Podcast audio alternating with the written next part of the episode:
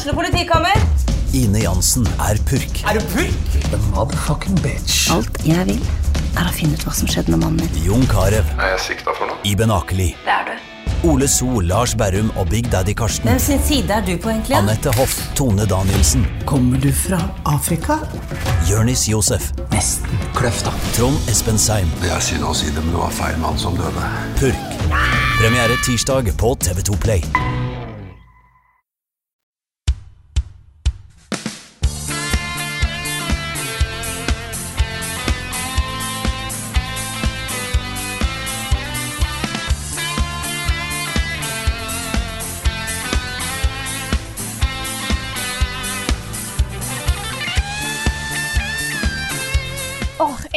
Fredag og slutten på den siste fulle arbeidsveka før fridagene i mai setter i gang.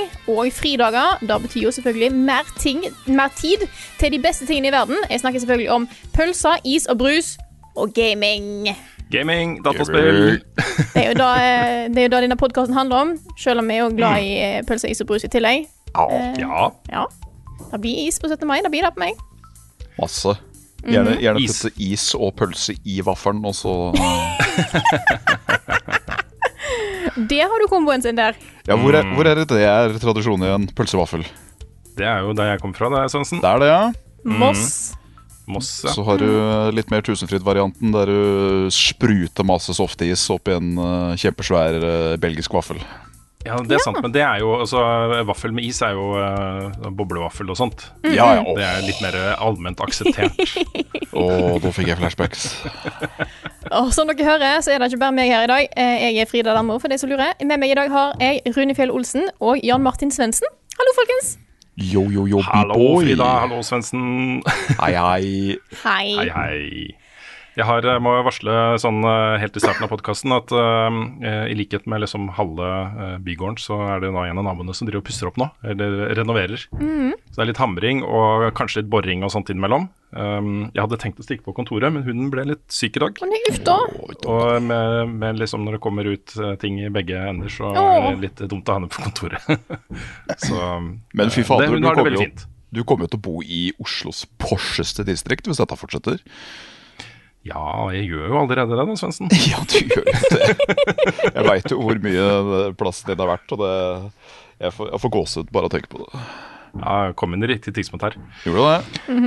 Vi må plugge litt uh, greier. Jeg har et, um, et eh, spørsmål her som innledning til, til det ene. um, og det er fra Basse, som eh, eh, skriver da at kunngjøringen av Runes 25-årsjubileum som spillanmelder fikk meg til å tenke når dukket Rune opp for første gang i mitt liv? Og så nevner han en uh, fast spalte på TV 2 eller noe slikt. Stemmer dette, eller er det bare et gammelt minne formet av ønsketenking? Jeg, det var et magasin som gikk på TV 2 som het Spillmagasinet. Å, uh, som, ja, som Thomas Sjeletskij og Frode Haugen og en kvinnelig programleder som jeg ikke husker navnet på i farta, var uh, leda. da. Jeg var gjest der ofte. Okay. Det er jo et lite miljø, dette her, så det er sannsynligvis det du tenker på. Men jeg, vi hadde jo et annet eh, magasin, som het Level Up, som gikk på VGTV. Ja. Um, ja. Vi har jo snakka litt om, eh, om muligheten for at kanskje vi måtte kansellere showet. Det gjør vi ikke. Det er solgt nok billetter. Vi oh. kjører på. Så kult. Gleder oss masse. Og du kommer ned, Frida? Jeg kommer ned til Oslo. Hell yeah. Jeg tror også Carl ble litt glad for det. At han slapp å liksom være uh, sånn uh, talkshow-vert alene. Jeg tar på meg sånne roller med glede. Jeg er altfor glad i oppmerksomhet. Det er veldig bra, Frida. Setter pris på det. Uh, ellers så kan jeg si at det blir uh, Rune-quiz, eh, laget av eh, Jon Cato. Oi! Med litt gamle, for han har jobba i bransjeblad også i gamle dager. Um, så han sier at han skal ha det litt gøy, da. Så jeg gleder meg til det. Var det i den sammenhengen han gravde opp dette her fine bildet og sitatet fra deg nå nylig? Ja, jeg kan jo ta, jeg kan jo ta for det har også kommet spørsmål. Ja, fordi han la, ut, han la det ut på Facebook, eh, på Level Up Community. Et klipp da fra Manual, som var dette bransjebladet. Det var ikke bare spill, det var også film og musikk og alt som er liksom underholdningsmedier da, i, i Norge. Fra bransjesiden. Eh, og spørsmålet var eh, altså jeg, jeg kommenterer da til en sak om PlayStation 2 eh, Slim, var vel det den het? Ja, Altså mm. den nye versjonen av PlayStation 2 Ja. um, i 2005. Før du var gift, sant? Ja, det, jeg møtte jo kona i 2000 og Senere det året, tror jeg.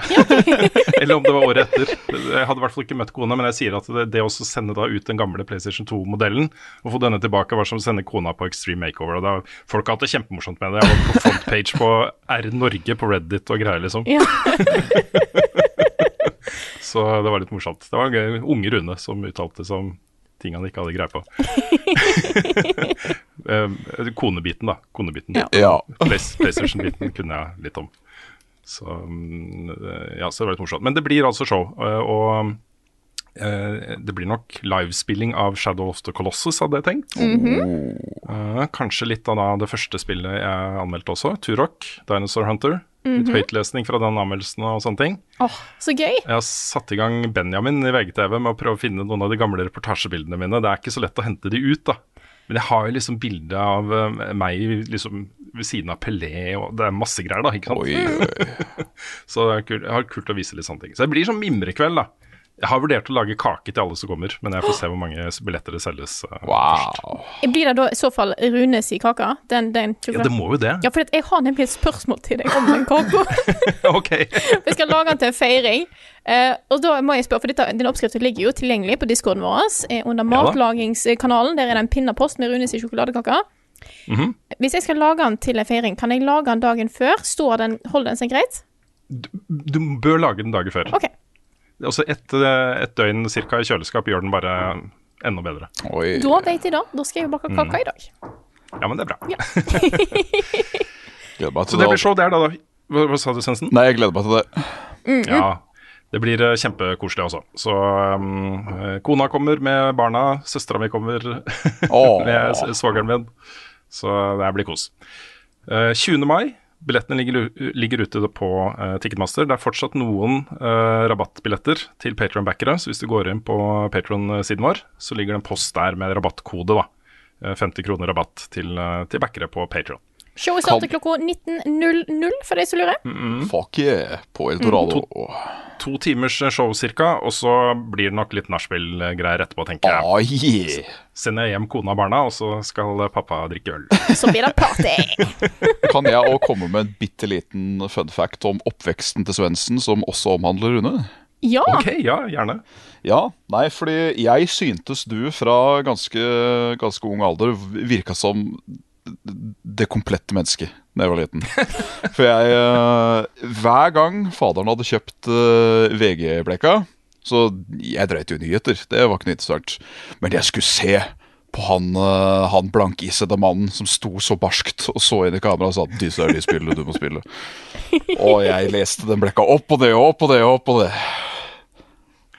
Så hyggelig, da. Det er jo, det er jo litt uh, rart å høre sånt, men uh, det var jo en uh, Ja, det er jo hyggelig. Det er hyggelig. Jeg kan godt huske å ha bladd til spelsidene i VG Ja, ja, ja. eh, da det lå hjemme. Rune var med fra, fra, fra day one, som holdt på å si. Ja, men det er hyggelig. um, jeg gleder meg til å markere det. Og så må jeg legge til at det var jeg som var initiativtaker til dette showet her. Ja. Uh, og det var ikke um, Tanken er liksom ikke «Hei, se på meg, det er ikke det som er tanken. Jeg vil, jeg vil bare markere noe, liksom. 25 år, jeg syns det bør markeres. Det er helt lov. Ikke sant? It's within. Ja, jeg syns det også. Um, apropos Eldorado. Uh, dette er jo sånn full disclosure. Vi er jo da uh, eid av det samme selskapet som uh, eier Telia-ligaen. Good Game. Ja. Uh, men de har da sluttspill i Telia-ligaen på Eldorado den 28. og 29. mai. Og dette er jo første gang på lenge det har vært et live uh, finaleevent um, av dette slaget her, liksom. Med publikum? her. Med publikum Ja. og uh, tjo og hei. Uh, Så jeg tror det kommer til å bli ganske fett, og vi kommer jo også dit for å lage reportasje. Eh, og aftermovie. Espen skal lage aftermovie for, for gjengen. Eh, så, så vi vi gleder oss, og jeg tror det blir en kul helg også. Det er da 28. og 29. mai på Eldorado, og billettene til det ligger også ute på Ticketmaster. Um, og så må jeg komme med en rettelse fra forrige podkast. Um, vi snakket jo, snakket jo om abortlover i USA, da, av alle ting, i Ja. forrige, forrige uke. Eh, og en av de statistikktingene vi snakket om, var at, eh, at um, eh, eh, motstanden mot eh, begrensninger av, eh, av selvbestemt abort i USA er høyere altså andelen kvinner som er mot det, er høyere enn menn. Nå har jeg gått litt gjennom og vi fikk en tilbakemelding. Jeg har ikke lyst til å si hvem det var fra, fordi det var sendt til meg privat. Og da vet jeg ikke om den personen vil at jeg skal si det ut. Nei. Eh, men da gikk jeg litt gjennom statistikk fra USA, offisiell statistikk, og det viser seg at eh, motstanden er ganske jevnt fordelt. Altså det, det, er, eh, det var snakk om 52% kvinner, 50% menn som var for selvbestemt abort. Um, så det var ikke store forskjellen der. Men jeg tror nok det vi kommenterte mest, var at, at det er litt rart da, at de som sitter og lager disse lovene, som bestemmer over kvinnekroppen, nesten uten unntak er hoved, i hvert fall hovedsakelig da, menn. Eh, Det, det var egentlig det vi kommenterte. Men jeg er veldig opptatt av at, at fakta skal være korrekt, så jeg, jeg er glad for uh, det innspillet. Absolutt. Veldig enig. Mm. enig. Med det skal vi vi hoppe, hoppe videre. Da gjør vi det. Nørn, nørn. Ukens hotteste. Ukens hotteste denne uka er en bekreftelse av et rykte. Det er noe vi har snakka om tidligere, og noe som eh, en bare regna med at kom til å skje. Nå har EA bestemt seg for å skifte navn på Fifa-spillet sitt. Dette går da over til EA Sports FC, altså Football Club. Og Rune, du har, eh, du har infoen her. Kjør. Ja, altså det har åpen vært, åpenbart vært lange og harde eh, diskusjoner og forhandlinger mellom Fifa og EA her.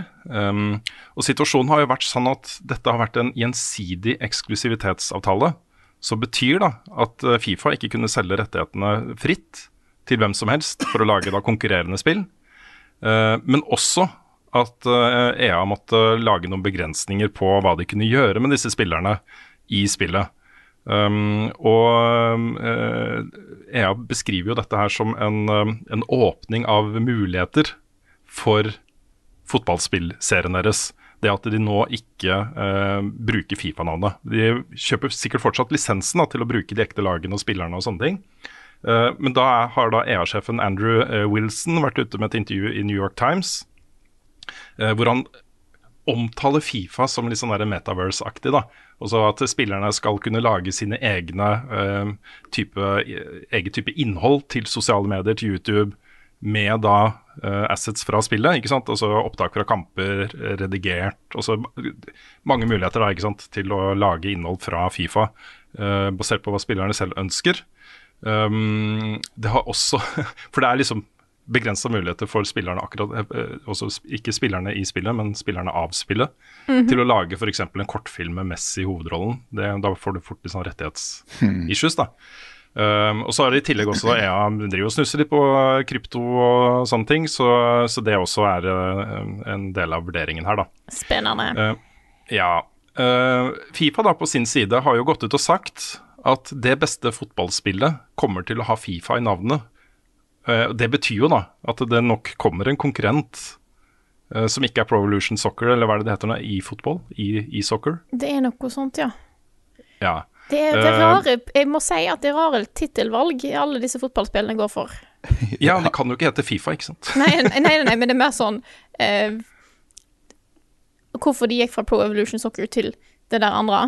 Og jeg syns jo ikke Sports FC er et bra navn heller, men eh, Altså, det vil jo hete FC, liksom. Football Club og EA, Sport, EA Sports er jo et etablert brand, liksom. Ja, ja. Eh, jeg jeg syns navnet for så vidt er ja, OK, litt ok. da er det men, bare eh, jeg som er veldig kritisk i dag. ja, men eh, det, de kommer nok til å slite litt med å liksom uh, få folk til å forstå at dette er liksom den nye Fifa. Det vil jeg nok tro. Men eh, Jeg har kun spilt ett fotballspill, og det var International Superstar Soccer til Nintendo Ja. 64. ja, det er jo en klassiker, Svendsen. Ja, det er det. Um, det som eh, den avtalen, altså eh, det at nå eksklusiviteten er over, betyr jo nå da, eh, og det sier også Fifa selv, at de nå er i samtale med flere parter, også tredjeparter, om lisensiering av eh, da spillere og lag. Så alt i alt så betyr dette her veldig bra greie for konkurranse, tenker jeg nå. Nå har noen mulighet til å lage et skikkelig bra fotballspill uten disse kortpakkene og all den der kjipe eh, økonomien rundt, liksom. Eh, og det er det jeg går og håper litt på nå, da. At noen, eh, et skikkelig bra team lager et skikkelig bra fotballspill som ikke er uh, så rovdrift på spillerne. At man må liksom gå inn én gang i året og lage en ny spillerstall basert på da hva du får i disse kortpakkene. For det er, uh, det er litt mye, altså. Jeg syns det er litt mye. Så um, eh, ja. For å oppsummere så har jo da både EA og Fifa uh, fjerna begrensningene i den avtalen de hadde. De står friere til å utvikle eh, både Fifa-brandet eh, og uh, fotballspillkonseptet i de retningene de ønsker selv. Uh, og så er det sikkert ikke billig da, å lisensiere disse spillerne og lagene fra Fifa, vil jeg tro. Så det ligger jo økonomi der uansett. Absolutt. Absolutt. mm. Jeg har et uh, spørsmål her også fra Jakob, som da rett og slett spør Har Fifa driti seg ut når de bryter med, med EA. Jeg Det er jo en viss fare for det, fordi med da EA på laget og den standingen som Fifa-serien har, så har jo Fifa hatt et sånn powerhouse innenfor spill eh, med årlige utgivelser som generelt sett, da, blant spillerne, liksom, blir ansett for å være bra. Uh, og det er det jo ingen garanti for at uh, det vil bli hvis de skifter team. Så, mm, så jeg vet ikke om det har driti seg ut, men jeg, jeg syns eh, alt i alt dette er positivt for fotballspill at dette har skjedd. Så eh, mer kanskje på forbrukernes side. Jeg er ikke så opptatt av om Fifa har driti seg ut eller ikke. Altså, jeg, jeg, jeg innser at jeg er også veldig spent på For én ting er at EA kanskje sliter litt med å få eh, på måte folk til å skjønne at dette er den samme serien som tidligere. på en måte For jeg tror Mm. nok en del vil fortsette å kjøpe fotballspill som har Fifa i navnet, for de tror det er samme serie. Ja, vi hadde jo faktisk akkurat det samme med en annen fotballserie, hvor du hadde Football Manager, som eh, ble kjøpt opp eh, brandet, og så skifta navn til Championship Nei, omvendt. Championship Manager. Jeg husker ikke hvilken vei det var, hva som var først. Men du hadde liksom et team da, som lagde liksom eh, Championship Manager. Og så ble liksom Championship Manager-brandet kjøpt opp av Sega, tror jeg det var. Eh, og så fortsatte samme teamet med å lage da en ny serie som het Football Manager.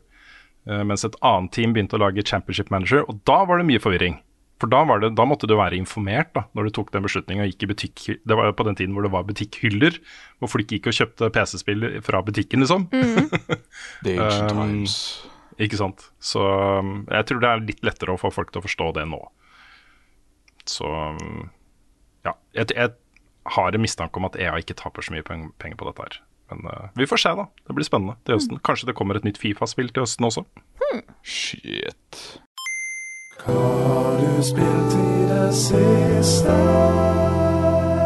Før jeg gir ordet videre til Rune, så har jeg lyst til å bare komme med en update, eh, som er selvfølgelig da min Elden Ring-reise. Ja! Nå har jeg tatt Renala.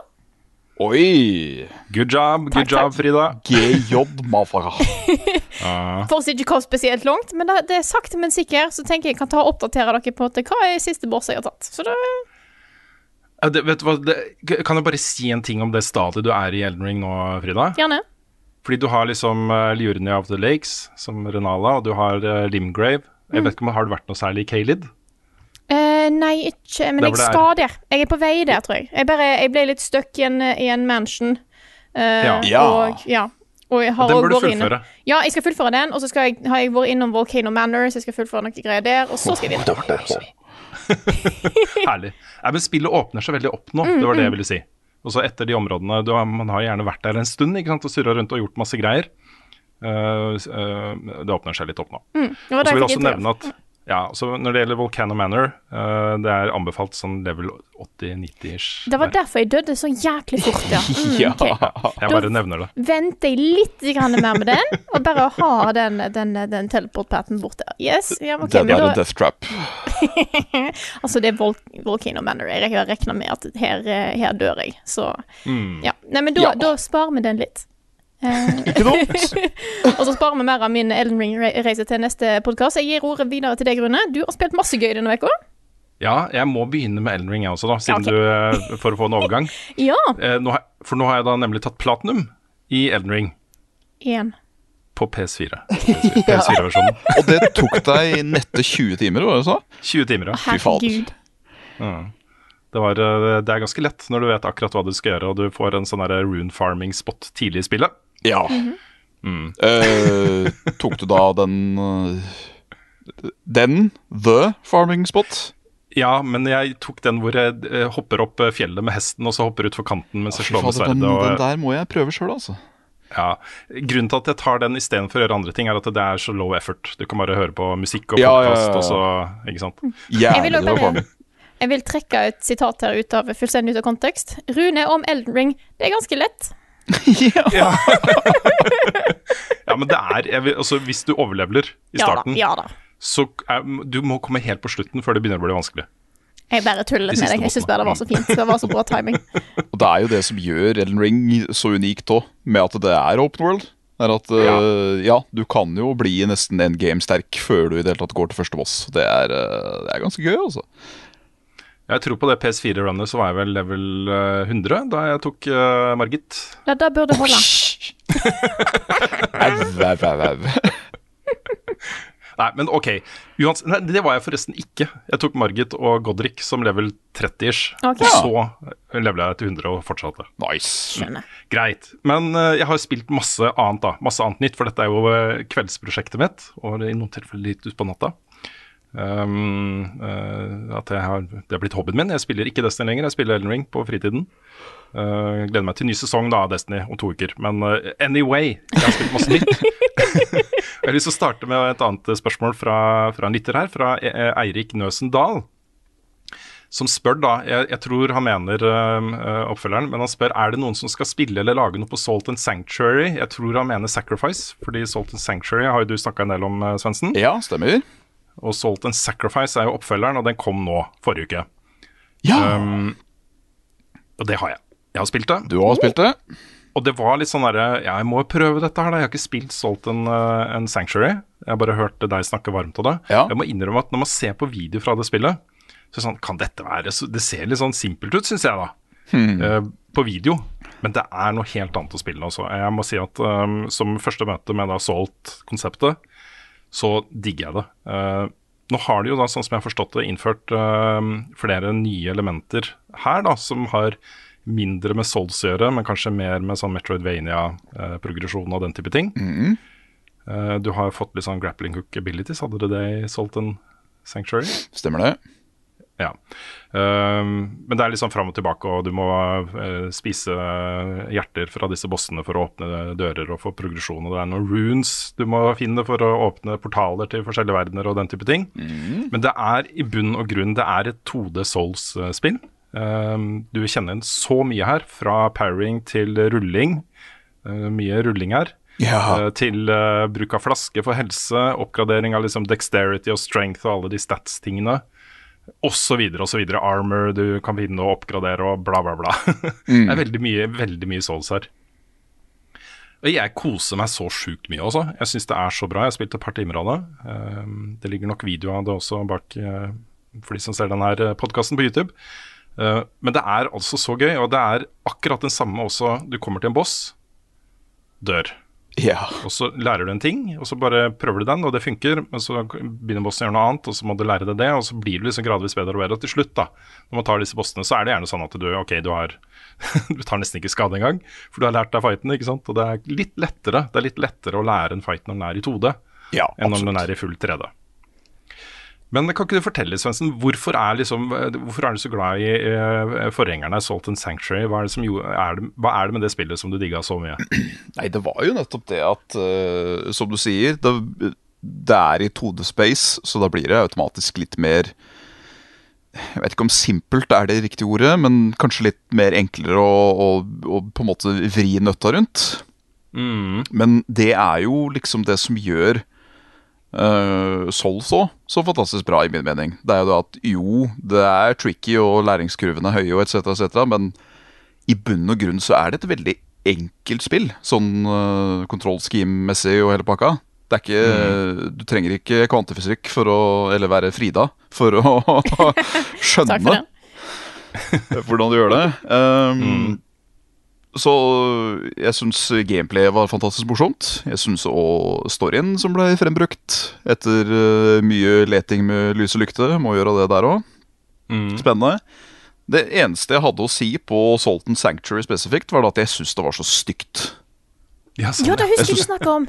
Det var, det var sånn Hvis det, hvis det finnes ting i livet som gjør, gjør man opphissa, så var dette det stikk motsatte når jeg spilte Salton Sanctuary. Ja. Um, de, Godt eksempel på at gameplay er king, da. gameplay er king.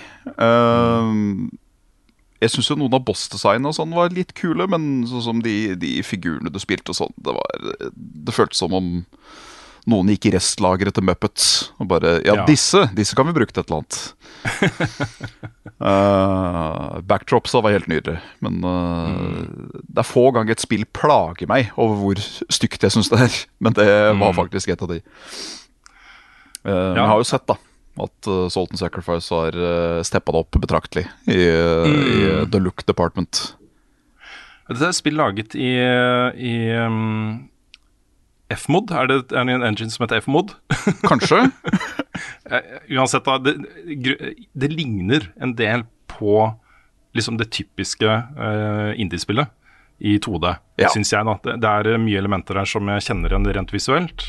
Um, og det gjør det også litt vanskeligere å på en måte bare se bilder fra det, f.eks., eller en trailer, og f- eh, liksom hvorfor det skiller seg ut fra alle de andre 2D-spillene, hvor du har liksom paths som går ned og opp, og så må du liksom hoppe for å komme på den som går opp. Uh, og så må du bare gå rett fram for å gå på den pathen som går ned, siden alt er i 2D uh, og sånt. da. Men, uh, men eh, jeg, jeg syns eh, Salt and Sacrifice har liksom nok unikt visuelt ved seg til at det blir fett. Og jeg elsker jo at det oser Shoals, da. Det er ikke noe tvil om at det er der det kommer fra. Ja, ja, ja. Eh, og den følelsen klarer de ganske ofte å gjenskape. Den følelsen av å spille et Souls-spill i 2D, og det syns jeg er kult. Og så syns jeg boss-mekanikken er litt stilig her, eh, hvor, eh, hvor også du har jo minibosser som liksom står der og uh, hindrer progresjonen din. Som, som jo ligner mest da på de klassiske Souls-bossene. Eh, Mye svære monstre med store økser og sverd og, og sånne ting. Eh, men det som er spillets hovedbosser, er sånne mages som du først må finne, og så hunte. Så du finner de et sted, og så eh, reiser de bare videre da gjennom brettet. Eh, og så må du liksom slåss med de, eller minions da, som de sender ut på liksom forskjellige punkter, før du til slutt har liksom final showdown eh, et helt annet sted på kartet. Det, syns, det syns jeg er litt kult. Eh, ikke minst så kan du også mellomlagre i den fasen, så hvis du dør da, på veien, og du går forbi en sånn der, eh, liten statue som du kan uh, refreshe flaska di på og sånt, så kan du gjøre det, og bare fortsette der. Ja, kult. Mm, Og det hørtes så- fint ut. Ja, det har en del elementer jeg liker også. Eh, så det er å finne et nytt armor set plutselig liksom som er oppgradering. Finne et nytt våpen som er oppgradering. Eller bare oppgradere startvåpenet ditt hvis du vil. Som Yes. Det også er en gyldig taktikk. Jeg vet ikke om de har bringet det videre. Og nå hadde jo du bare spilt et par timer. Ja. Men uh, i uh, Salton Sanctuary så er det jo sånn som i Souls at uh, bossene dropper jo sin salt, som man på å si. Uh, og via den så kan du jo lage bossvåpen. Jeg, jeg har ikke helt funnet ut hvordan man gjør det ennå. Så det, det er en del elementer her som jeg ikke helt har satt meg inn i. for Eh, jeg tror det i Sanctuary var at du måtte ha en spesifikk dude til å sitte og styre de der rastestatuegreiene. ja, nettopp. Prater du med han, så Å ja, jeg ser du har en pluss ni dagger. Har du lyst på Dagger of the Oath Sworn? Ja takk. Ja. Nei, jeg gleder meg til å fortsette på, på dette her. Altså. Det har uh, veldig potensial til å bli et sånn kose, kosespill. Jeg gleder meg til å sette fingeren i det sjøl. Mm, det er vel mulig at det uh, Vil du ha det på PlayStation eller PC, Svendsen? Dette høres egentlig ut som et veldig bra PlayStation-spill. Ja, jeg vil tro det. Jeg skal se om jeg får eh, skaffa det til deg. Fantastisk. Mm, ellers er det sånn nå som du er ansatt, så kan du eh, kjøpe det og bruke den appen, vet du. TrippelTex-appen vi bruker. Ja. Og Bare ta bilde av kvitteringa og legge det inn der som et eh, utlegg, og så får du det utbetalt på lønn. Ho, ho, ho, ho. Clever. Moving up in the world. Ja, det gjør du. Men jeg har også spilt mer. Jeg har uh, spilt og anmeldt uh, Trek to Yomi, som også kom forrige uke. ja. Anmeldelsen er ute på NRK. Stemmer det. Eh, gir det terningkast fire. Og det var, vil si en sterk firer, da. Um, dette er jo et uh, sort-hvitt, Kurosawa-inspirert um, samurai-spill. Lagt til uh, Edo-perioden i Japan, som uh, også er føydal uh. Um, ikke, ikke bestemt år, men Edo-perioden gikk fra 1603 til 1867. Så det er da uh, før den industrielle revolusjonen. Og jeg er veldig glad i den type historier, sånne hevnhistorier fra før den industrielle revolusjonen. Både liksom sånn westernfilmer, men også samuraifilmer og, og sånt. Og det er noe et eller annet med den derre fascinasjonen for det samfunnet vi hadde før. da. Før mobiltelefoner og at du kunne sette deg på et fly og reise til andre siden av verden og uh, disse tingene der. Hvis du skal ta hevn da, i, eh, i gamle dagers Japan, så må du sette deg på en hest da, eller gå til fots, og så går det en uke. Uh, og der er jo ikke de. Så kommer du tilbake, og så er landsbyen din brent ned. ikke sant? Ja. Ja. Sånn typisk. Typisk. Oh, not again. Ja, ikke sant. Så det er en sann type historie, da. Um, og det er jo også 2D eh, spillbarhet her. Litt sånn 3D-utforsking, eller litt sånn inn og ut av miljøer da, for å finne litt oppgraderinger til stamina helse og eh, våpen og sånt. Uh, men stort sett, da, kampene er i 2D. Um, og jeg vil si at det er gøy, men det blir litt repeterende, da. akkurat den, eh, den greia der. Uh, og så demper det litt, litt fascinasjonen. For jeg spilte jo, jeg spilte jo eh, Ghost of Tsushima i Kurosawa-mode. og valgte det, liksom. Og det var en så sterk opplevelse. da Bare det å spille det i det herlige, nydelige sort-hvitt eh, Kurosawa-filteret der, liksom. Så um, den treffer, har ikke like hard punch da når jeg gjør det en gang til eh, her. Men de har også veldig mange utrolig stilige sånne filmatiske sekvenser som er liksom snytt rett ut av nesa til eh, Kurosawa, og som bare ser veldig, veldig veldig stilig ut. da Så jeg vil jo anbefale det. Det er et ganske kort spill. Tipper liksom eh, Er du flink, kanskje fire-fem timer. Hvis du sliter litt mer, så kanskje fem, seks, sju. Um, men en veldig kul actionopplevelse. Så um, det er lett å anbefale det, selv om det ikke når helt opp da til um, Ja, jeg kjører en sammenligning med Sifu der. ja. Ikke, de er ikke like, uh, sånn sett. Det Nei. er to forskjellige kampsporter, og Sifu er i moderne tid. Det er mer Hongkong-film, ikke sant, um, enn uh, enn, uh, Kurosawa. Uh, men det er noe med den derre OK, brawler-tilnærminga. Med jevn strøm av fiender som kommer mot deg, du skal slåss mot ja, type det er fast-paced.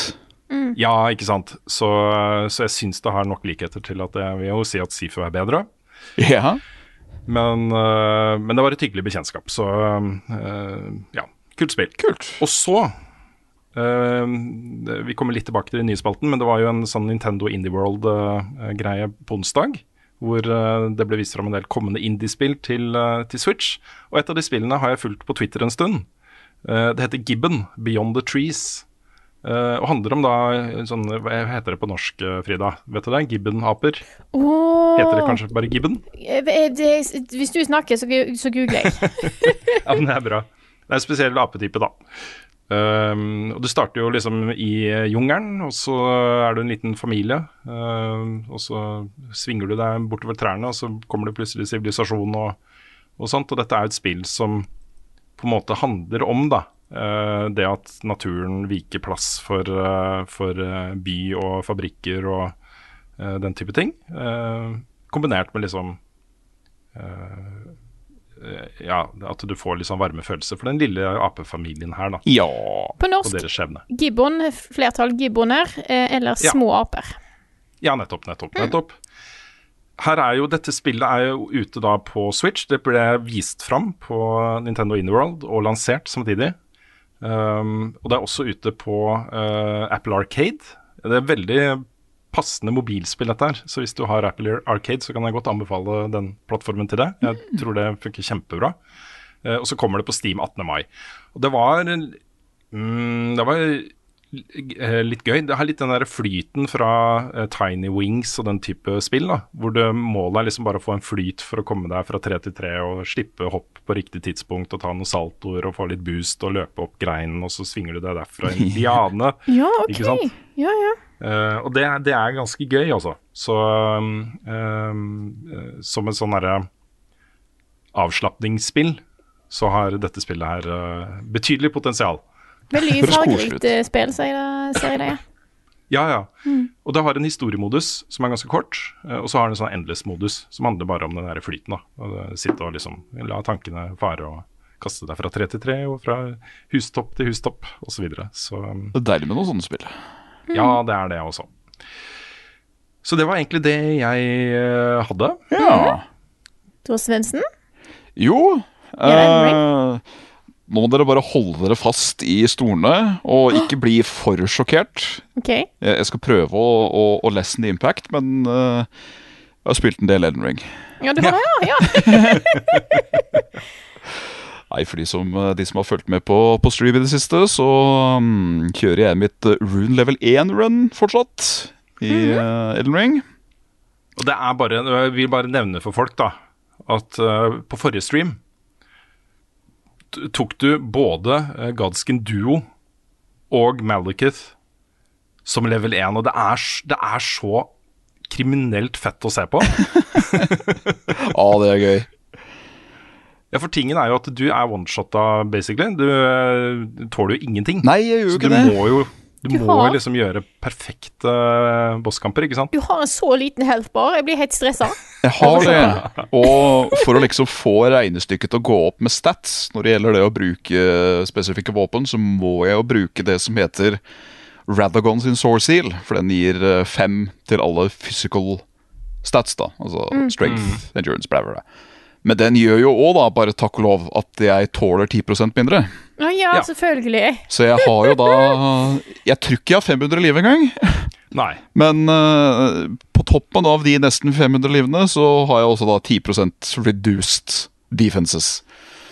Ja. Så hver eneste boss jeg møter på, og nesten hver eneste fiende òg, for så vidt. Ja, I det er sant. Det er hvert fall der hvor vi er nå. De, oh, ja. de, eh, de, de pent og pyntelig sier 'sett deg' når de først uh, slår. Så da har eh, det å ha hatt en sånn derre physics flask med bubble tear i hvert fall vært uh, uvurderlig. Ja, for da tåler du ett slag. Da tåler jeg ett slag. Og um, jeg har jo småøvd bitte, bitte, bitte lite grann offstream, fordi vi kom til en den uh, secret-bossen i Farumasura. Og det gikk Ja. så som så. Ja, men det var ikke så langt unna. Det var ikke så. Den ene gangen så kom vi jo forbi lysshowet, og det, det er sant. da, er, da er enden i sikte. Eh, og jeg nå Nå begynte jeg bare å prøve hvor langt kan jeg strekke den bubble tearen. Og hvis jeg blir treffet av det lysshowet, så mister jeg halve livcella mi med bubble tearen på. Oi. Så jeg eh, det er rått party. Ja. Men nå har jeg altså så mange triks opp my sleeve.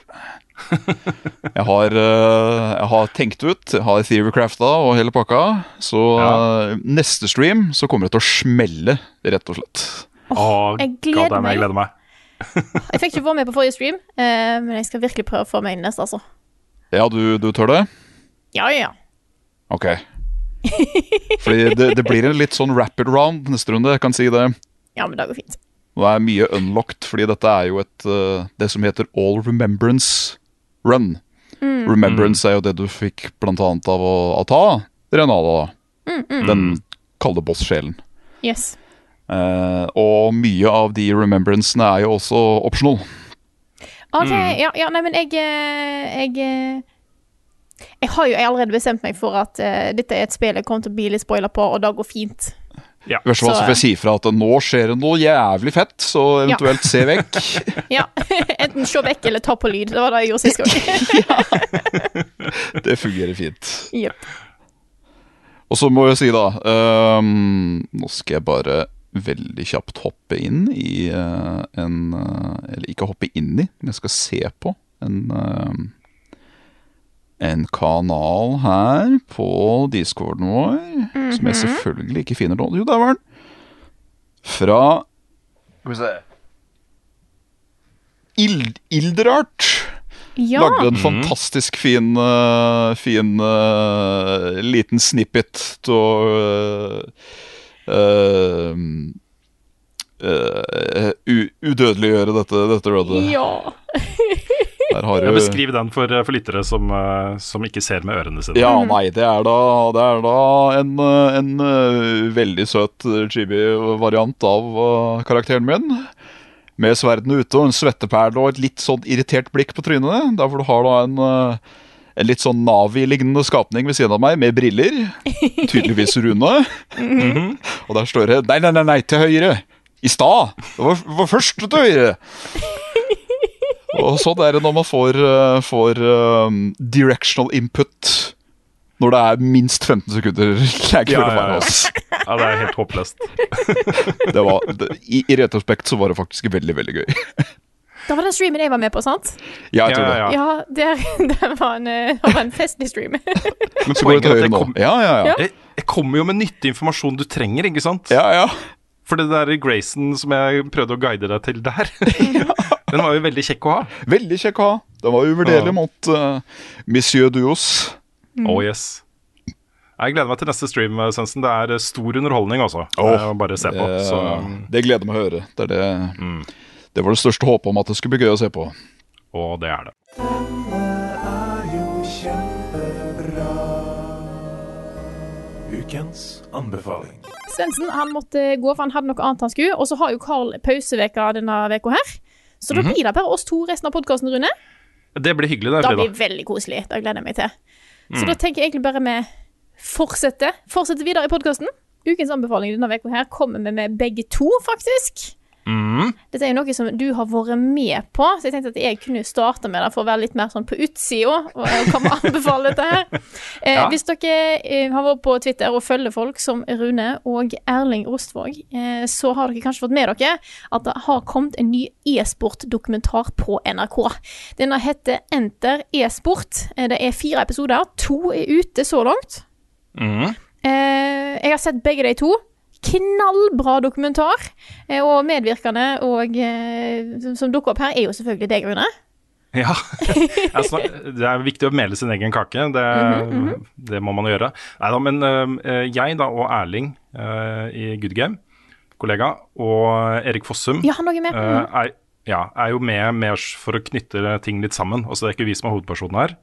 Dette handler jo om norsk e-sport, og da er det jo norske e-sportutøvere og klubber og fagfolk som, øh, som står i sentrum. Så det er mer for å bare sette litt i kontekst, da. Eh, og det, det som jeg syns er eh, morsomt her, er, det er lenge siden jeg ble kontakta om å være med på, på dette her. Eh, det er gjort to lange intervjuer på sånn to timer hver cirka. Første i tidlig i fjor høst, og den andre nå for noen uker siden. Eh, og det samme har de gjort med både Erling og, og Erik, da, fordi eh, i mellomtiden så har de jo snakket med masse e-sportutøvere og sånne ting, og dukker opp liksom Vi trenger en eller annen forbindelse fra den til den scenen, og sette det litt i kontekst og bla, bla, bla, liksom. Så det er mer den funksjonen vi har hatt, da. Men jeg må jo innrømme at da eh, jeg fikk høre om dette prosjektet og fikk det presentert av NRK, så blir man automatisk litt sånn nervøs. Hva er liksom Fordi dokumentar er jo Bra dokumentarer er flue på veggen. Altså sannferdige, eh, ærlige og åpne og ekte. Det er på en måte det dokumentarsjangeren er for. Men det er ikke alle dokumentarer som er sånn. Det er mange dokumentarer hvor folk går inn med en ganske forutinntatt mening om ting, og så vinkler de og vrir ting til å bli uh, lenger unna sannheten enn man kunne ønske seg. da. Ja. Uh, og Ikke at jeg mistenkte at det var sånn her, men men man blir litt usikker. For man sitter og prater i to timer, og alt kan tas ut av kontekst og sånne ting. ikke sant? Men jeg er så glad for å se at eh, dokumentaren ble så bra som den ble. For jeg også mener dette her er et veldig godt bilde av norsk e-sport anno 2022. Og 2021, da. Mm, Det er jo mye av dette som skjedde i fjor.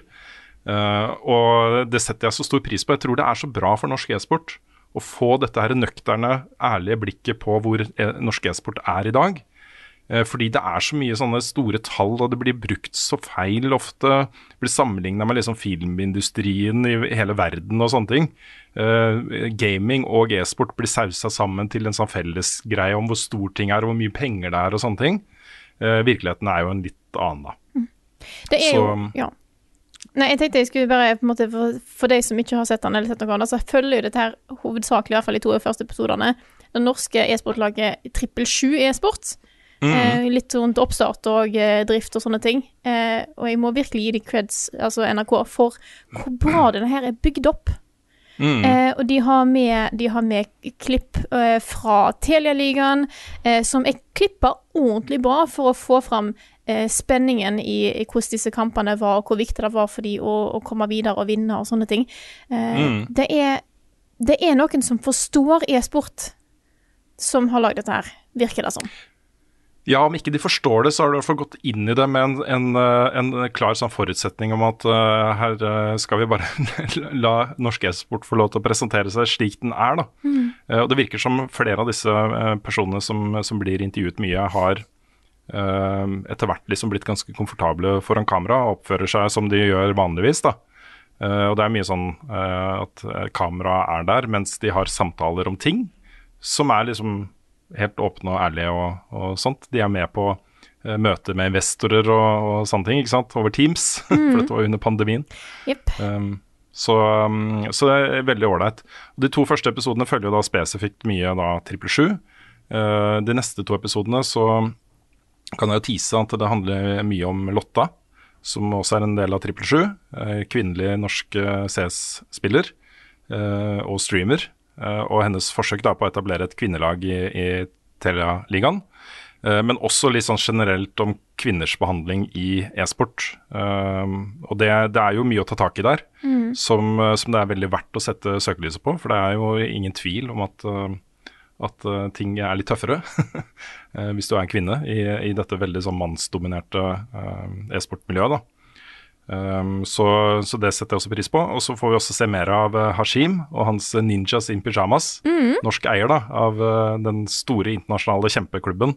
Og Ninjas in Pyjamas, det er gøy å sette den liksom i kontrast da, mot Trippel 7 da, og de norske, altså Zero Zero Nation og de andre. For trip, uh, Ninjas in Pyjamas er jo et powerhouse. Ja, Også en av disse store internasjonale klubbene som har eksistert i årevis. Eh, og da begynner vi å snakke om liksom her, det, Dette er på en måte Manchester United, mens Trippel 7 blir Bodø-Glimt. Um, på en måte, ikke sant, som skal De er, konkurrerer på samme arena, men i forskjellige liga, da. Jeg visste ikke at det var norsk, eh, norsk eid, eh, faktisk. Nei, jeg det huset til han, ah, til han Hashim, altså. Fytte rakkeren. det er tydeligvis penger noen steder i e-sport. Ikke Ja. alle steder, men i noen steder. Så eh, gratulerer med det huset. Det var uh, tøft å se. Um, men det, det er en veldig god serie, rett og slett. Og den går nå da uh, også lineært på NRK1, tror jeg, på onsdager. Okay. Uh, da fire uker på rad. Eh, pluss da at det legges ut to uh, episoder til, de to siste episodene, neste uke på onsdag. Um, jeg, jeg møtte regissøren. jeg var med i Arena på P2 i går for å snakke om annet denne dokumentaren, men også e-sport generelt. Og han skulle inn etter meg, og jeg spurte han hvorfor, hvorfor var det, den første episoden bare tilgjengelig til klokka halv ti på onsdag på kvelden. For det står, står det i appen, ikke sant? Han, han mente det var feil. da. De, alle disse episodene vil jo være tilgjengelige når alt er ute, da. Så, så det skal være relativt lett å se den. Men um, Ja, det er både første og andre episode ligger ute nå og er tilgjengelig, så Ikke sant? Ja. Nei, så hvis du har et snev av interesse for norsk e-sport uh, og vil vite status uh, der, uh, kanskje spesielt da interessant å følge da Trippel 7 som en nysatsing. De prøver å komme seg inn på dette markedet, men også å komme litt bak dørene til Zero Zero Nation, som jo er kanskje den største li- ved siden av Åmaken, kanskje, og uh, Joakim Haraldsens eh, store prosjekt. Um, det, er, det er veldig spennende også, å se hvordan de tenker og hvordan de jobber for å uh, etablere seg innenfor uh, e-sport. Så, um, så den anbefales varmt. Her kommer nyheter med Rune Fjell-Olsen, og han har ikke hår. Det er jo en stund siden vi um, hyllet Microsoft for deres Adaptive Controller, som jo er en, eh, en måte da, å, å eh, gjøre spill eh, mer tilgjengelig for personer med funksjonsnedsettelser av forskjellige typer. Også en veldig sånn modulbasert kontroller hvor man kan koble til ting og eh, tilpasse den, eh, dine egne eh, kroppsevner. Og det er amazing. Det er kjempebra. Det er utrolig flott at dere jobber med akkurat det. Og den jobben har de nå fortsatt til høsten. Kommer da eh, Microsoft med eh, lignende type oppsett til PC og Surface tablets. Det er da en adaptive mouse, eh, eh, adaptive buttons og adaptive hubs. Eh, og dette er en serie med produkter. Det er mange forskjellige typer produkter som kan liksom mikses og matches på den måten som passer deg, da. Eh, og gjøre spill mer tilgjengelig. Og jeg, bare kudos, altså. Det er så, jeg blir så glad av å se, se dette bli, bli gjort. Det er så bra. Det er så bra arbeid. Og det vil være så Mm. viktig for så mange. Ja, ikke sant. Det betyr så utrolig mye. Og jeg har jo sett en del av de uh, kontrolleroppsettene til, uh, til uh, folk. Det er jo ikke måte på hvor mye man hacker. Man går inn og liksom i innmaten til kontroller og driver og lodder på ting og, og sånt for å bare få det til å funke bra nok, ikke sant. Det er kjempebra, altså. Dette er et uh, utrolig bra, viktig tiltak som Microsoft gjør der. Um, så håper, eh, håper resten av uh, spillindustrien følger etter.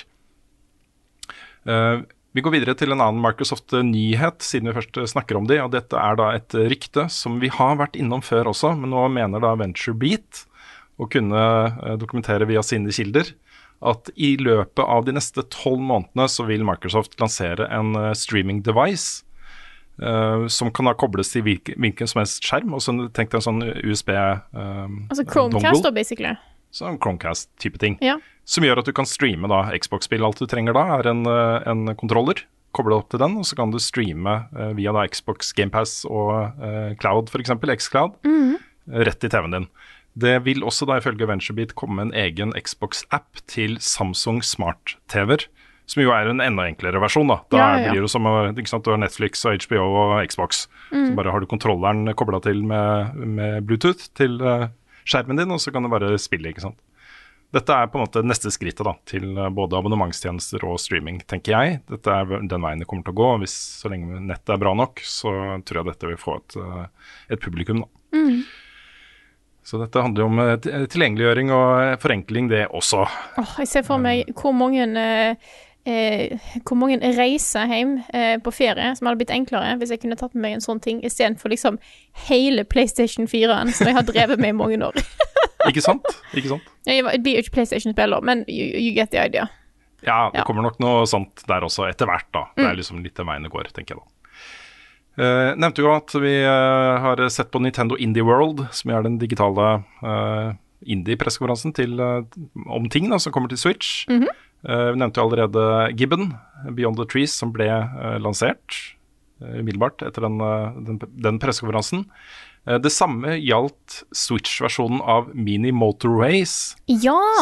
som er et veldig sånn derre Altså, du skal styre samferdsel i en by. mm. da, da spiller er så gøy. Passer også veldig bra til Switch. Det er en sånn typisk Switch-spill. Ja. Eh, Men også mobil. Det passer veldig godt til mobil, at du bare tegner de veibatene med fingeren din. Ikke? Ja, for det er det jeg, jeg håper virkelig at de bruker touch-funksjonen til Switch på det der, altså. For den er, Mm. er perfekt spill der. Det er det.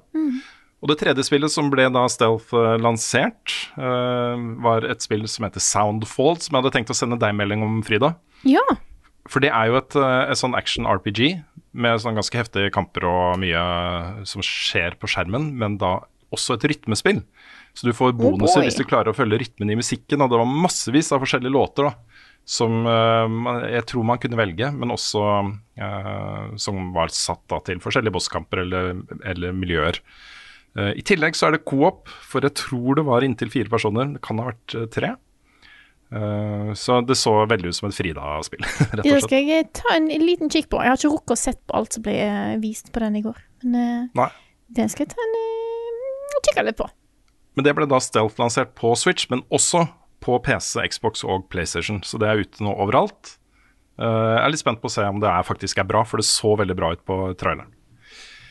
Uh, I tillegg så fikk vi en uh, lansering for Altså en fullansering av Ublets, som er et annet spill vi har fulgt en stund. Det har jo vært i Early Access. Har du testa det, Frida? Jeg har spilt det, jeg spilte det i mange timer. Det er et spill jeg ikke helt klarer å skjønne om jeg liker eller ei, men Nei, det er veldig addiktiv. det blir på en Mm. måte litt sånn Litt sånn Stardew Valley, men òg litt sånn Animal Crossing, og litt Pokémon. Ja, For du, du, du sår eh, ublets som du kan høste, og du får i gjengen din, og så har du dance-offs med andre. Og det er på en måte Jeg føler dette er nesten en sånn kulminasjon av alt som er indie, på en gang. ja. da er det jeg føler med den her. Musikken er, er herlig teit, og det er på en måte Det er mange ting jeg liker, men jeg klarer ikke å skjønne om, har, om det egentlig er bra. Mm, jeg skjønner hva du mener. Men det er kjempegøy. Det er så mye. Ja, det er så Ja. mye. Og så er det Men nå, dette er jo et Det er i hvert fall halvannet år siden jeg spilte det, tror jeg. Mm. Eh, så, Jeg har hatt ca. to år i Early Access. Ja. Det stemmer, det. så, så mye kan ha endra seg siden da. Da følte jeg at det var mangla litt innhold. Jeg tror det var det det stagnerte for min del. Så eh, Men det, jeg sier ikke at det ikke er bra. Jeg bare klarer ikke å skjønne helt måte, hvor godt jeg liker det. Uh, nei, jeg, jeg vet hvor godt jeg liker det. Jeg bare klarer ikke helt å forstå på en måte hvor bra da, hvis du skulle liksom sett på det litt mer sånn. På den måten. Mm, som kritiker, liksom. Ja, som kritiker uh, så var det litt tamt da, for ett og et halvt år siden, så det kan Ja. godt ha endra seg til nå, bare så det er sagt. Det kommer i hvert fall til sommeren, og ikke bare på Switch, vil jeg anta. Det vil da også komme på de andre plattformene. Det er på hvert fall på PC. Det er det. Så, så det blir spennende. Jeg tar ikke med alle spillene som ble vist fram, jeg har bare plukka ut noen av de. Så hvis du vil se liksom alle, så er det bare å søke på Nintendo Indie World eh, på YouTube, så kommer jo den pressekonferansen opp. Eh, Men et spill som nå eh, kommer til Switch også til sommeren, er jo et spill som Nick hadde høyt på sin toppliste for eh, 2021, nemlig Elec Head. Elec Head. Og det var litt kult å se at utvikleren, for dette er et soloprosjekt Ja, av en okay. japansk utvikler, som eh, Han var jo snakket jo til kamera på den pressekonferansen her. Fortalte at det starta som et studentprosjekt. En, litt sånn tech-demo for et konsept da, som han bestemte seg for å bare fullføre etter at han var ferdig med utdannelsen. Og dette er jo et eh, sånn 2D-puzzle-plattformspill hvor du styrer en elektrisk person. Og så Du kan da med eh, din person eh, gi gjenstander elektrisitet, og dermed da flytte på det eller eh, få det til å gå rundt, eller også aktivere det. da. Eh, Du kan også eh, separere hodet eh, og sende hodet et sted og kroppen din et annet sted, men bare i ti sekunder. så det er en del sånne skjulte skatter og sånt du kan finne da, ved å bruke den type puzzles. Så mm, jeg ble jo supergira på det spillet da jeg sa topplista til Nick, for jeg hadde knapt sett det. Ja, jeg hadde ikke hørt om det. Mm. Så kult at jeg får muligheten til å få et nytt publikum også. Det er godkjent av Nick. Det er bra med stempel for quality. Mm. Kvalitetsstempel heter det på norsk. Herregud. Ja, Ja, takk. det, er greit. Det er greit. Jeg lar det passere, Frida. Takk. Eh, og så da i serien uh, spillnavn jeg har blitt glad i umiddelbart. Et eh, nytt eh, Devolver Digital utgitt spill som kommer i 2023, som heter Gunbrella. Gunbrella, ja. Ja, Ja, ja. Det er en gun og en umbrella.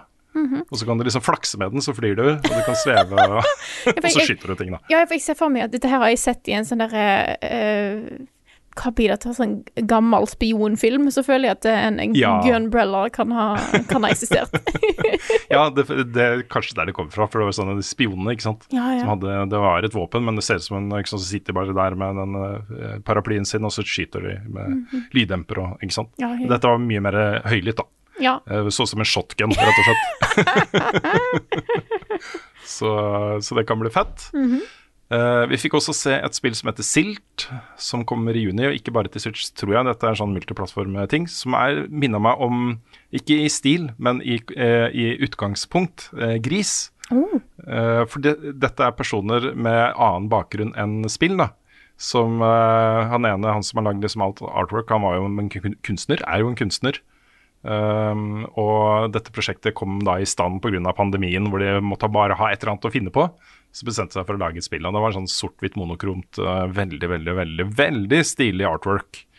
Uh, sånn kunstnerisk uh, greie, som, som nok også kan treffe hvis det er bra, da. Det var egentlig det jeg plukka ut derfra, men det var jo flere ting som ble vist fram. Så um, ingen, nevnt, ingen glemt der, men Mm. eh, sjekk det ut på YouTube hvis du vil vite mer om indie-ting som kommer til Switch. da. Det var ikke noe Silksong, ikke noe Hollow Night Sil Silksong denne gangen heller. Det var den store greia, kanskje. Det kan jo være at de, de sparer det til en større pressekonferanse òg, da. Det er jo et, Altså, dette her er jo ganske eh, Selv om mange av disse spillene her er jo, er jo kjent og er veldig gode, eh, så er Hollow Night kanskje et hakk over i popularitet, så det kan være at de tar det på en, på en, eh, en konferanse der de er sikre på at måtte, en enda flere følger med, kanskje? De har nok fått med seg at eh, mange maser mange maser om dette og dette er et, eh, eh, Hollow Night er et spill som er en, nært og kjært for veldig mange. Mm. Og er jo, som du sier, Frida, liksom i øvre sjiktet av indie-utgivelser. Så jeg er enig i, i den vurderingen. Det kommer nok på Nintendos hovedpressekonferanse nå i juni, tenker jeg. Hvis de velger å ha den da. Ah, jeg, håper, jeg håper det blir. Mm. Vi eh, kan også glede oss til en ny runde med Summer Games Done Quick, som nå har fått eh, dato. Det er da fra 26. juni til 3. juli i år. En uke med speedruns eh, der igjen også. Um, alltid veldig veldig gøy å se på. Jeg har plukka ut noen uh, litt sånn tidsaktuelle uh, høydepunkter fra programmet i år. Eh, og Det er da Tunic, Oh, som de skal runde any percent på 35 minutter. Og any percent er jo da er det lov å glitche og gjøre alt mulig rart. Mhm. Men da spille gjennom hele Tunic på 35 minutter, som er målet. spent på hva de hva, Ja, OK. Da, jeg tror jeg vet hva de, hva de går for, da. Mm. Mm. Kanskje du skulle gjort det en gang, Frida? Det hadde vært kult. Sett Frida det- på GDQ. jeg har tenkt på å, å spille, ta en stream med um, New Game Plus. Det har jeg. Ja, Mm. kult. Jeg har nesten ikke lyst til å ta på en video, for jeg, jeg, jeg, jeg vet ikke om jeg nevnte det i en podkast, men jeg gikk all in, full liksom eh, hodet under i, i den siste Jeg tror det er den siste puzzlen i spillet. Og da er det intenst. Det er på det, det punktet at jeg nesten tror at jeg burde lage en video av det. Men uh, da er en, da er en uh, sak for en annen gang. Ja, men det er kult. Uh, dette er også et Frida-spill. The Pathless på 1 time og 50 minutter. Alle bosser. Oi! Da er, da er en, eh, en eh, Var det any prosent? Nei. Nei? Nei, det er all, alle bosser. bosser, det betyr jo at da, da må du jo innom alle bosser da. Ja, ja, men jeg tenkte på glitches og sånt. Da blir en eh, kul stream. Den skal jeg prøve å få med meg. Ja, det tror jeg er gøy å se et speedrun av, rett og slett. Ja.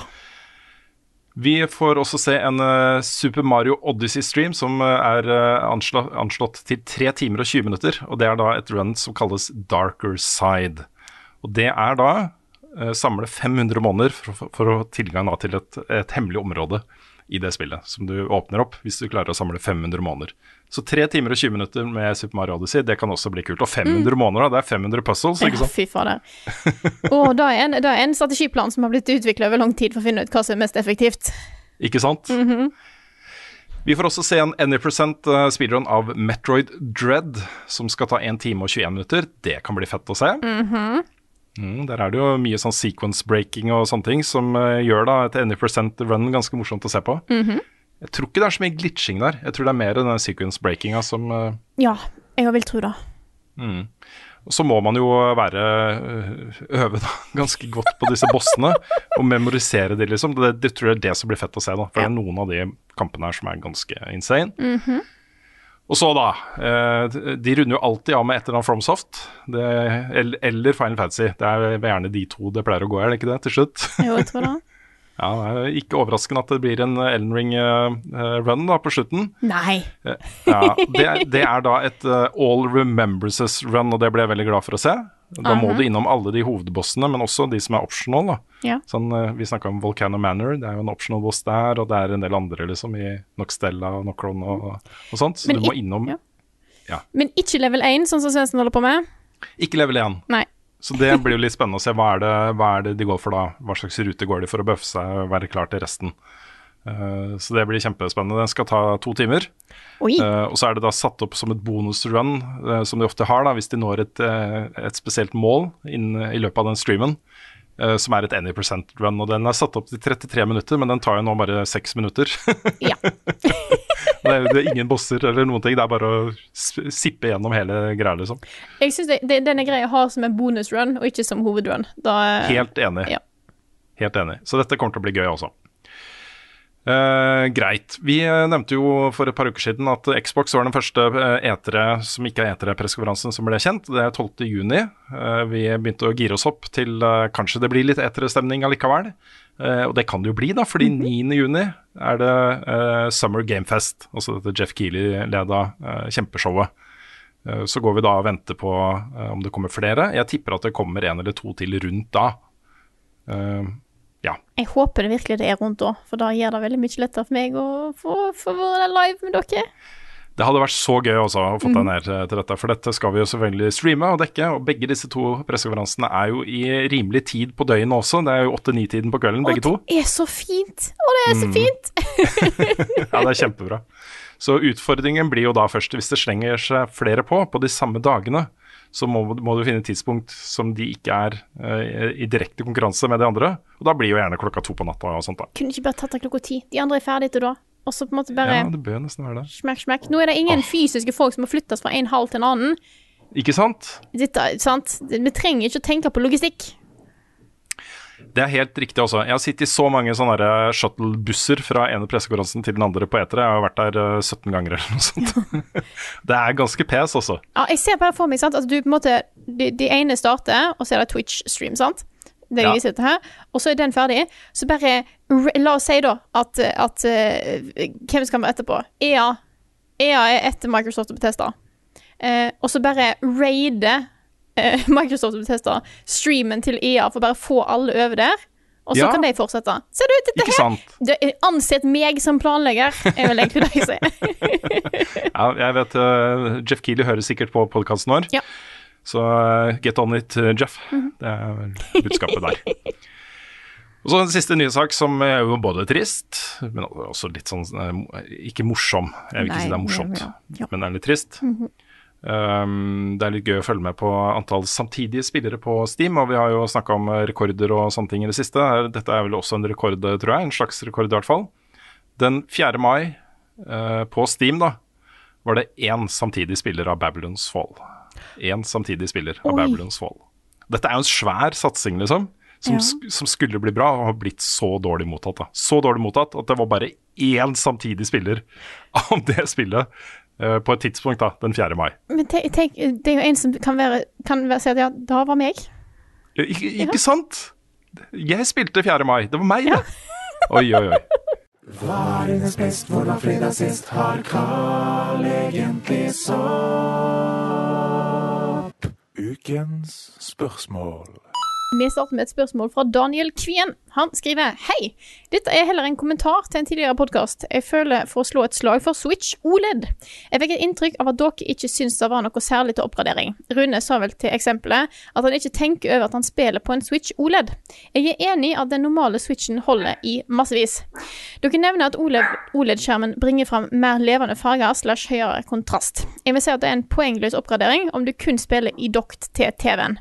Men jeg tenker veldig over at jeg spiller på en OLED, siden jeg spiller mye håndholdt for det aller meste. Én ting er hva OLED bringer fram, men hallo, skjermen er betydelig merkbart for meg større. Og når stansen bak, bak nå er kjempebra og robust Nei, oh ja, beklager. Og nå er stansen bak kjempebra og robust om man vil spille uten dokk med pro-kontroller. Den interne lagringa har gått opp fra 32 til 64 GB, som et annet eksempel. Uansett, jeg merker oppgraderingen godt, selv om jeg òg håpte på en mer pro-versjon. Ja. Dette er en slags anmeldelse da, av Switch eh, OLED fra en, eh, en eh, kjent og kjær lytter. Det er en godt perspektiv, tenker jeg da. Um, jeg mener jo fortsatt at, at hvis du har en Switch fra før og vurderer om du skal kjøpe en OLED, så må du være klar over at, at um, jeg mener fortsatt at forskjellen ikke er liksom stor nok til å rettferdiggjøre det, med mindre du liksom tenker det er greit å bruke et par-tre tusen på en ny Switch-konsoll. Jeg er også veldig glad i min Switch OLED, og foretrekker den foran den gamle. Selvfølgelig gjør jeg det, liksom. Uh, men uh, men uh, hvis, jeg, hvis ikke det var for at jeg liksom kjøpte den i sånn research-sammenheng, så ville jeg vært fornøyd med den gamle. Det var mer mitt poeng, da. Men jeg, jeg ser jo selvfølgelig også Det er en quality of life-forbedring, selvfølgelig. Eh, som, eh, som du gjerne må gjøre, da, hvis du syns selv at det er verdt å bruke de pengene på det. Det er, det, for meg så er det mest at jeg spiller mest dokt. Det er veldig sjelden jeg tar switchen med meg og spiller en plass. Eh, men hvis det er hvis da, Jeg vet at det er veldig mange som spiller mest håndholdt. Og da Mm. kan jeg definitivt se at en sånn oppgradering kan være, kan være verdt det, altså. Ja, jeg lå i senga i går jeg og spilte Gibbons. Mm. Det var eh, fint, det. så skjermen er bedre og litt større, så det, det har jo selvfølgelig en effekt. Um, jeg, jeg mener bare at hvis, hvis vi hadde liksom hylla den på samme måte som Daniel gjør, liksom, så tror jeg kanskje det hadde vært eh, et dårlig forbrukervalg. forbrukerråd, mener jeg, eh, å gi, da. Eh, folk må være klar over at det er spillene opp, altså det å spille Metroid Dread på en vanlig Switch, eller en Switch OLED, det, det er det samme spillet. Det er like bra du går ikke opp et, eh, en, en karakter liksom på score fordi det er en Switch OLED. Uh, jeg mener sånn min mening, da. Ja. Når vi først snakker om håndholdt spill, så har jeg lyst til å ta et eh, spørsmål her fra Golden Fourth. Han skriver at han skal ut og fly i kveld. Eh, han skal på ordentlig langtur, hvis jeg, eh, altså, for jeg har fulgt litt med han har snakket om turen sin på, på discorden vår. Så nå, har, nå har han kommet fram, men det er jo andre som alltid skal ut og fly, og han skal jo helt klart fly tilbake igjen på et tidspunkt. Han må jo tilbake Ja. til Norge. Så han lurer på om vi har en favorittspelsjanger, eller favorittspel for flyturer slash reise. Han tenker Ja. selv å ha med seg Pokémon. Det er jo et perfekt uh, spill for reise. Det å på en måte eh, du, du har liksom aktiviteter, noe av det er på en måte grind, da. Og som passer godt med å kikke litt ut av vinduet og, og bare la tankene sveve litt, liksom. Så eh, jeg, jeg er med på den. Jeg ville ikke satt meg i like stor grad ned med et, et veldig sånn historietungt, uh, narrativt uh, drevet spill. Um, med unntak av kanskje sånn type Hades, Ja. Hades hadde nok egna seg godt for, for der kan du gjøre et run, ikke sant, og så se hvor langt du kommer. Det er ikke så farlig om du dør, liksom, for da har du sikkert fått en oppgradering eller et eller annet du kan bruke på neste run uansett, da. Så, um, så kanskje mer den type spill. Ellers så er jeg veldig glad i, i sånne helt hjernetomme mobilspill da, når Ja. jeg reiser. Mm. Sånn type Tiny Wings eller, uh, eller uh, Monument Valley. Selv om det ikke er helt hjernedødt, da. Men det er jo mer sånn puzzles du sitter og Eller Bejeweled. Jeg har spilt masse, masse Bejeweled. Mm, mm. sånne, sånne ting. Threes er et kjempebra sånn puzzle-spill. Um, ja, Mm. den type greier, da. Jeg pleier ofte, hvis jeg er ute og reiser og har med meg for å spille, så tar jeg med Switchen. Jeg gjør jo det. Eh, det som er mitt standard go to-spill der, er Mario Kart. Eh, jeg har Ja. spilt mye Mario Kart både på tog eh, og på flyplass mens en venter på at flyet skal gå. Bare på en måte Både fordi at du kan spille alene. Jeg spiller jo alltid med, med Jeg spiller jo med motion control, som den rare personen jeg er. Eh, men da er det jo på en måte Du har alltid med deg to kontroller. Sånn at hvis du er to, så er det så lett å bare sette ned Mario Kart og bare sånn Hei, Mario Kart. Eh, fordi at alle skjønner det. Smish! Mm, Smish! smish. Da er jo helt klart en mulighet. Men ellers er jo veldig også, ja, er det ikke også sånn Friendpass-ting at du kan, kan risikere, hvis du sitter og spiller Mario Kart med en Switch, og har skrudd på muligheten for det, at uh, hvis det sitter noen andre da, på det flyet eller det toget og også spiller Mario Kart, så kan dere finne hverandre og spille sammen? Å, det kan godt være. Da har jeg testa det veldig lite. Sånn var det med DS i hvert fall. Ja, jeg vet ikke om det er sånn med Switchen. Og jeg husker jeg har hatt veldig mange gode turer med eh, Det var noen familieturer med noen venner der Det var veldig mange som hadde DS. Eh, men det var vel bare én eller to som hadde Mario Kart. Men det gikk fint, for du kunne spille Mm. sammen kun med én én kopi av spillet. Åh, det var kult. Ja, ikke sant? Good times. Eh, ellers er jeg veldig enig i sånn enkle mobilspill og sånt er jeg veldig glad i. Jeg har prøvd å spille Mm. litt eh, større ting på For jeg tar jo mye tog. Eh, og sånn sett skulle jeg tro at det er et perfekt tidspunkt, men jeg blir så forferdelig trøtt på tog, så jeg klarer liksom ikke Ja. å helt eh, Helt komme, i, i, komme inn i ting der. Eh, Men tenk deg for en mulighet, da. Og så liksom follow-up av, av det du snakka om, Frida. Hvis du er singel liksom, og er ute og reiser, uh, og du sitter og spiller et spill, og så sitter en, en kjekk uh, mann eller dame ved siden av deg som også eh, liker det spillet, og så har du en ekstra kontroller. Ja.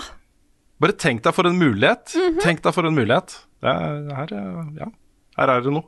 Absolutt. Jeg Skal se hva som skjer når jeg eh, tar, tar tog. Og buss! Det er buss for tog neste fredag, Rune. Ja, det blir fint. Ja. Ja. ja.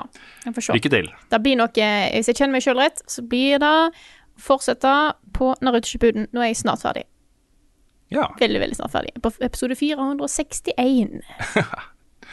Det er, det er mange episoder, Frida. Det er veldig mange. mange episoder. Men det er mye Ja. fillers. Det er 40% fillers, og de skipper jeg, så da går det, litt Ja, okay, ja, men det er lurt. Da er det bare sånn 300 episoder totalt. Ja, det er, det fortsatt mange episoder. Har du et spørsmål eh, på, på, på lur, Rune? Det har jeg. Jeg er ikke helt ferdig med den der kommentaren min eh, til manual i 2005 ennå. jeg, Altså, for jeg har fått et spørsmål fra Marton, Ja. som eh, spør da Hvis en PS2 føles litt som å ha sendt bort kona på Extreme Makeover og fått en supermodell tilbake, hvordan føles en PS5? Du har misforstått hele kommentaren. For jeg kommenterer jo ikke PS2, jeg kommenterer liksom at her har du en modell ikke sant, av PlayStation 2 mm. som var veldig firkanta og boxy, og da den kom, så den kul ut. Men så kommer da denne slim-versjonen som er liksom smekker og lekker, liksom. Og på den tiden så var det jo masse sånne der Extreme Makeover-programmer på TV, ikke sant? hvor man tok da kona si. Man sendte kona si på Extreme Makeover, kom tilbake og så jo i mange tilfeller mye verre ut enn hun gjorde før, da. Men uh, dolla opp og sminka og nye klær og, Ja, og sånne ting, ikke sant. Så det var en referanse. Det var en referanse som var satt til en, en, et tidspunkt i kulturhistorien, ikke sant. Jeg syns det er ja. kjempegøy. Jeg gjør det. Jeg ville bare poengtere det. Men jeg har et annet spørsmål her også, fra det beste nikket jeg har sett i noe online-sted noen gang. Det er da med sånne uh, norrøne bokstaver um, her. Mhm. Og nikket er 'modir din'. Modir din. yes.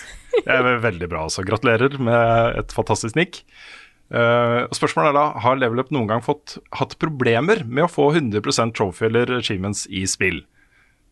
Har du hatt? Du er ikke så opptatt av achievements og trophies, du, Frida? Nei, så da har det egentlig ikke vært så stort problem. Uh, det er jo det spillet jeg ofte tar opp som jeg måtte ha 100% av, da, hvis du kan si det, da, er jo Super Mario 3D World. Det var mer slitsomt, Mm. for du måtte ta alle banene med alle karakterene. Eh, men, men ellers har jeg jakta veldig lite. Og det er litt fordi og så tenker jeg sånn Ja, kanskje dette hadde vært gøy. For jeg tenkte på det faktisk da jeg holdt på med Tunic. Fordi at jeg hadde gjort så sjukt mye. Eh, men så er det alltid noen av de som er sånn å, nå må jeg ta alt på nytt igjen. Eller å, Ja. dette her går jo ikke an. Og da på en måte Da gidder jeg ikke. Nei. Så det er jo kanskje da da at jeg ikke har tålmodigheten til å Problemet som dukker opp for meg med, med 100 og platinum og sånt, er da at de krever så mye mer tid av meg enn det jeg har. Mm. Mange av de. Ja, jeg skjønner det. Jeg har jo noen av de, de 100% som jeg har hatt mest problemer med, har jo også endt opp med å bli noen av de mest givende. Mm. Eh, Den jeg husker best, er eh, Project, Project Gotham Racing 4. eh, som var det spillet hvor jeg virkelig lærte meg bilspill. For der måtte du få um, Jeg tror det var platinum. Jeg tror liksom bronse, sølv, gull, platinum. tider da, på alle banene for å få 100 eh, eh, achievements på, på Xbox. Og da måtte jeg jo lære meg det. Jeg måtte lære meg bilspill. 100% liksom. Eh, fart inn og ut av svinger og, og eh, kjørelinje og alle disse tingene. Når bremser man, hvor mye bremser man, når begynner man å gasse. Alle de tingene der. Så eh, det var en utrolig Det var veldig tilfredsstillende å få det til, altså. Eh, kjempegøy. Men jeg brukte jo sjukt lang tid da, på å ta de, de platinum-pokalene på de forskjellige banene der. Så Mm. det tok masse tid. Det minner meg faktisk kanskje... om eh, hvor mye jeg sleit med å ta alle sånn som time trials i Mario Kart. Var det Double Dash eller da på Wii? Der òg måtte jeg lære meg Mario Kart. Og det er kanskje derfor jeg, Mm. måtte, jeg føler meg relativt god i Mario Kart nå, er fordi at jeg måtte lære meg hvordan, jeg, hvordan, disse, hvordan du kjørte, rett og slett. Mm. Mm. Ja, for det, etter, etter det spillet, så når jeg satte meg ned med et nytt bilspill, så kunne jeg jo bilspill. Da var jeg blitt, eh, om ikke en ekspert, jeg er ikke sånn simulasjonsekspert, liksom. Men jeg forstår bilspill godt nok til at jeg kan sette meg ned med hvilket som helst bilspill egentlig, og gjøre det ganske bra, da. Mm. Så, så det var en kul opplevelse. Jeg husker også at jeg sleit i månedsvis, faktisk mer enn et år, eh, på å ta alle eh, brettene i Quake 3 singleplayer, da. Wow. Eh, på Nightmare vanskelighetsgrad. For den siste bossen her har, hadde en, en, en, en eh, aim-prosent, eh, hit-prosent der på over 70% og brukte railgun. Så det var liksom to, to, to hits fra han, da, så var det, var det over, ikke sant? oh, fy fader. så det måtte du få perfekt. Du måtte treffe og stagre og, og hindre han i å skyte deg. Uh, helt perfekt. Ja, det brukte jeg lang tid på. Og så er det en, en uh, Platinum Trophy som henger litt over meg fortsatt. Uh, to er det faktisk, og begge har jeg lagt bort av samme grunn. Det ene er Red Dead Redemption 2, som jo har noen helt ville requirements i singleplayer. De tingene du må gjøre for å få de siste trofeene til singleplayer, av ting du må finne og samle og sånne ting, er helt absurd. Men jeg gjorde det. Før jeg da innså at her er det jo noen multiplayer trophies også. Ja. Ja, eh, og de er ikke sånn uoverkommelige, men eh, jeg begynte å spille Red Dead Online, og det fenga ikke noe særlig. Eh, og så la jeg det bort, og så tenkte jeg ok, jeg orker ikke å på en måte sette meg inn i dette spillet her for å kunne vinne noen deathmatch-kamper og levele opp til sånn og sånn, og det er tre-fire trophies som er eh, Red Dead Online. Mm. Så den, eh, det er bare det som gjenstår. Og det er kanskje bare fire timers jobb, liksom, så har jeg platinum med det også. Men uh, det droppa jeg, og det samme gjorde jeg med uh, Resident Evil Village. For der begynte jeg, du har en sånn mercenary mode, hvor du må på en måte fullføre brettene på litt som en sånn rytmespill. Mm. Du må treffe perfekt, og du må gjøre det kjapt, og du må ha en flow, og du må få multipliers. Du må ha den gående da, hele tiden, komboen gående hele tiden, for å kunne få den scoren du trenger. For å kunne få den trophyen eh, på alle eh, Du må gjøre det på alle banene. Og det var jobb, det! Oh. Jesus, altså. Jeg, det, det prøvde jeg, jeg gjorde noen forsøk, og det, jeg fikk progresjon, liksom, men så lite at jeg tenkte at vet du hva, jeg klarer meg uten en Platinum Trophy til det spillet her. Men jeg har alle de andre, så det er jeg jo fornøyd med. Det syns jeg du skal være fornøyd med. Mm. Skal vi se. Eh, har, du et, eh, har du et spørsmål til på lager? Nei, uh, nei. Nei, da kan jeg ta et, eh, ta et siste her. Mhm. Vi har fått et spørsmål fra Johnny Bone, som spør Er det noen gang pinlig stillhet mellom dere i teamet.